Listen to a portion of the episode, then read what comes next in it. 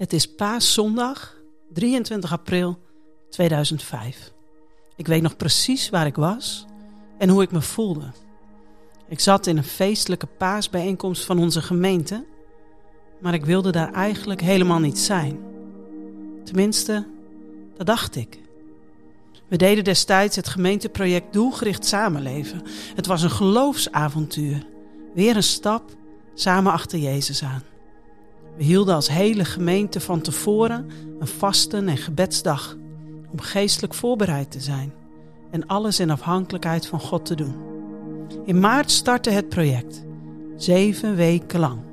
En de feestelijke afsluiting werd al snel gecommuniceerd. We zouden twee keer een feestelijke slotbijeenkomst op Paaszondag houden. In een laagdrempelige, grote zaal op Zernike Campus. We mochten veel mensen uitnodigen. En Otto de Bruyne komt een theaterstuk opvoeren. Oh nee hè, dacht ik. Ik was geen fan van Otto de Bruyne.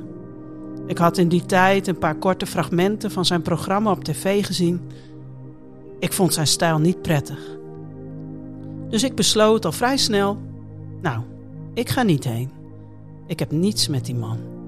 Zondag na zondag hoorde ik de oproep het wordt heel bijzonder. Bid ervoor. Nodig mensen uit.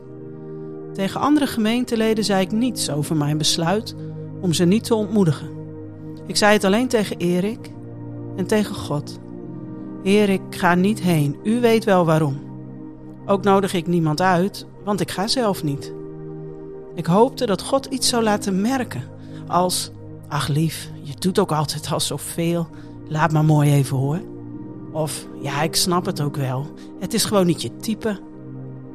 Dus ik las in mijn Bijbel en luisterde in de stilte of God me iets duidelijk wilde maken. Dit is wat ik de gemeente nu geef. Die gedachte kwam boem, sterk in me op. Ik weet de zin nog steeds.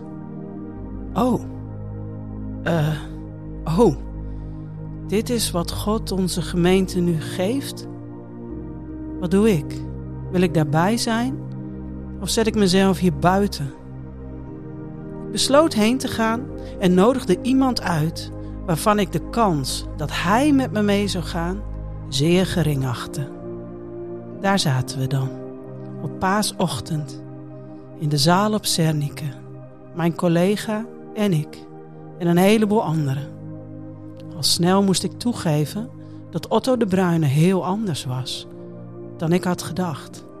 Ik kreeg liefde en respect voor hem, een begenadigd verteller met een uitnodigend, diepgaand en doorleefd verhaal over Jezus en zijn discipel Thomas. De Heilige Geest werkte er zo krachtig doorheen. De nabijheid van God was zo sterk aanwezig. Daarom weet ik nog waar ik toen was en hoe ik er zat. Zo blij dat ik niet eigenwijs was geweest, maar gehoorzaam.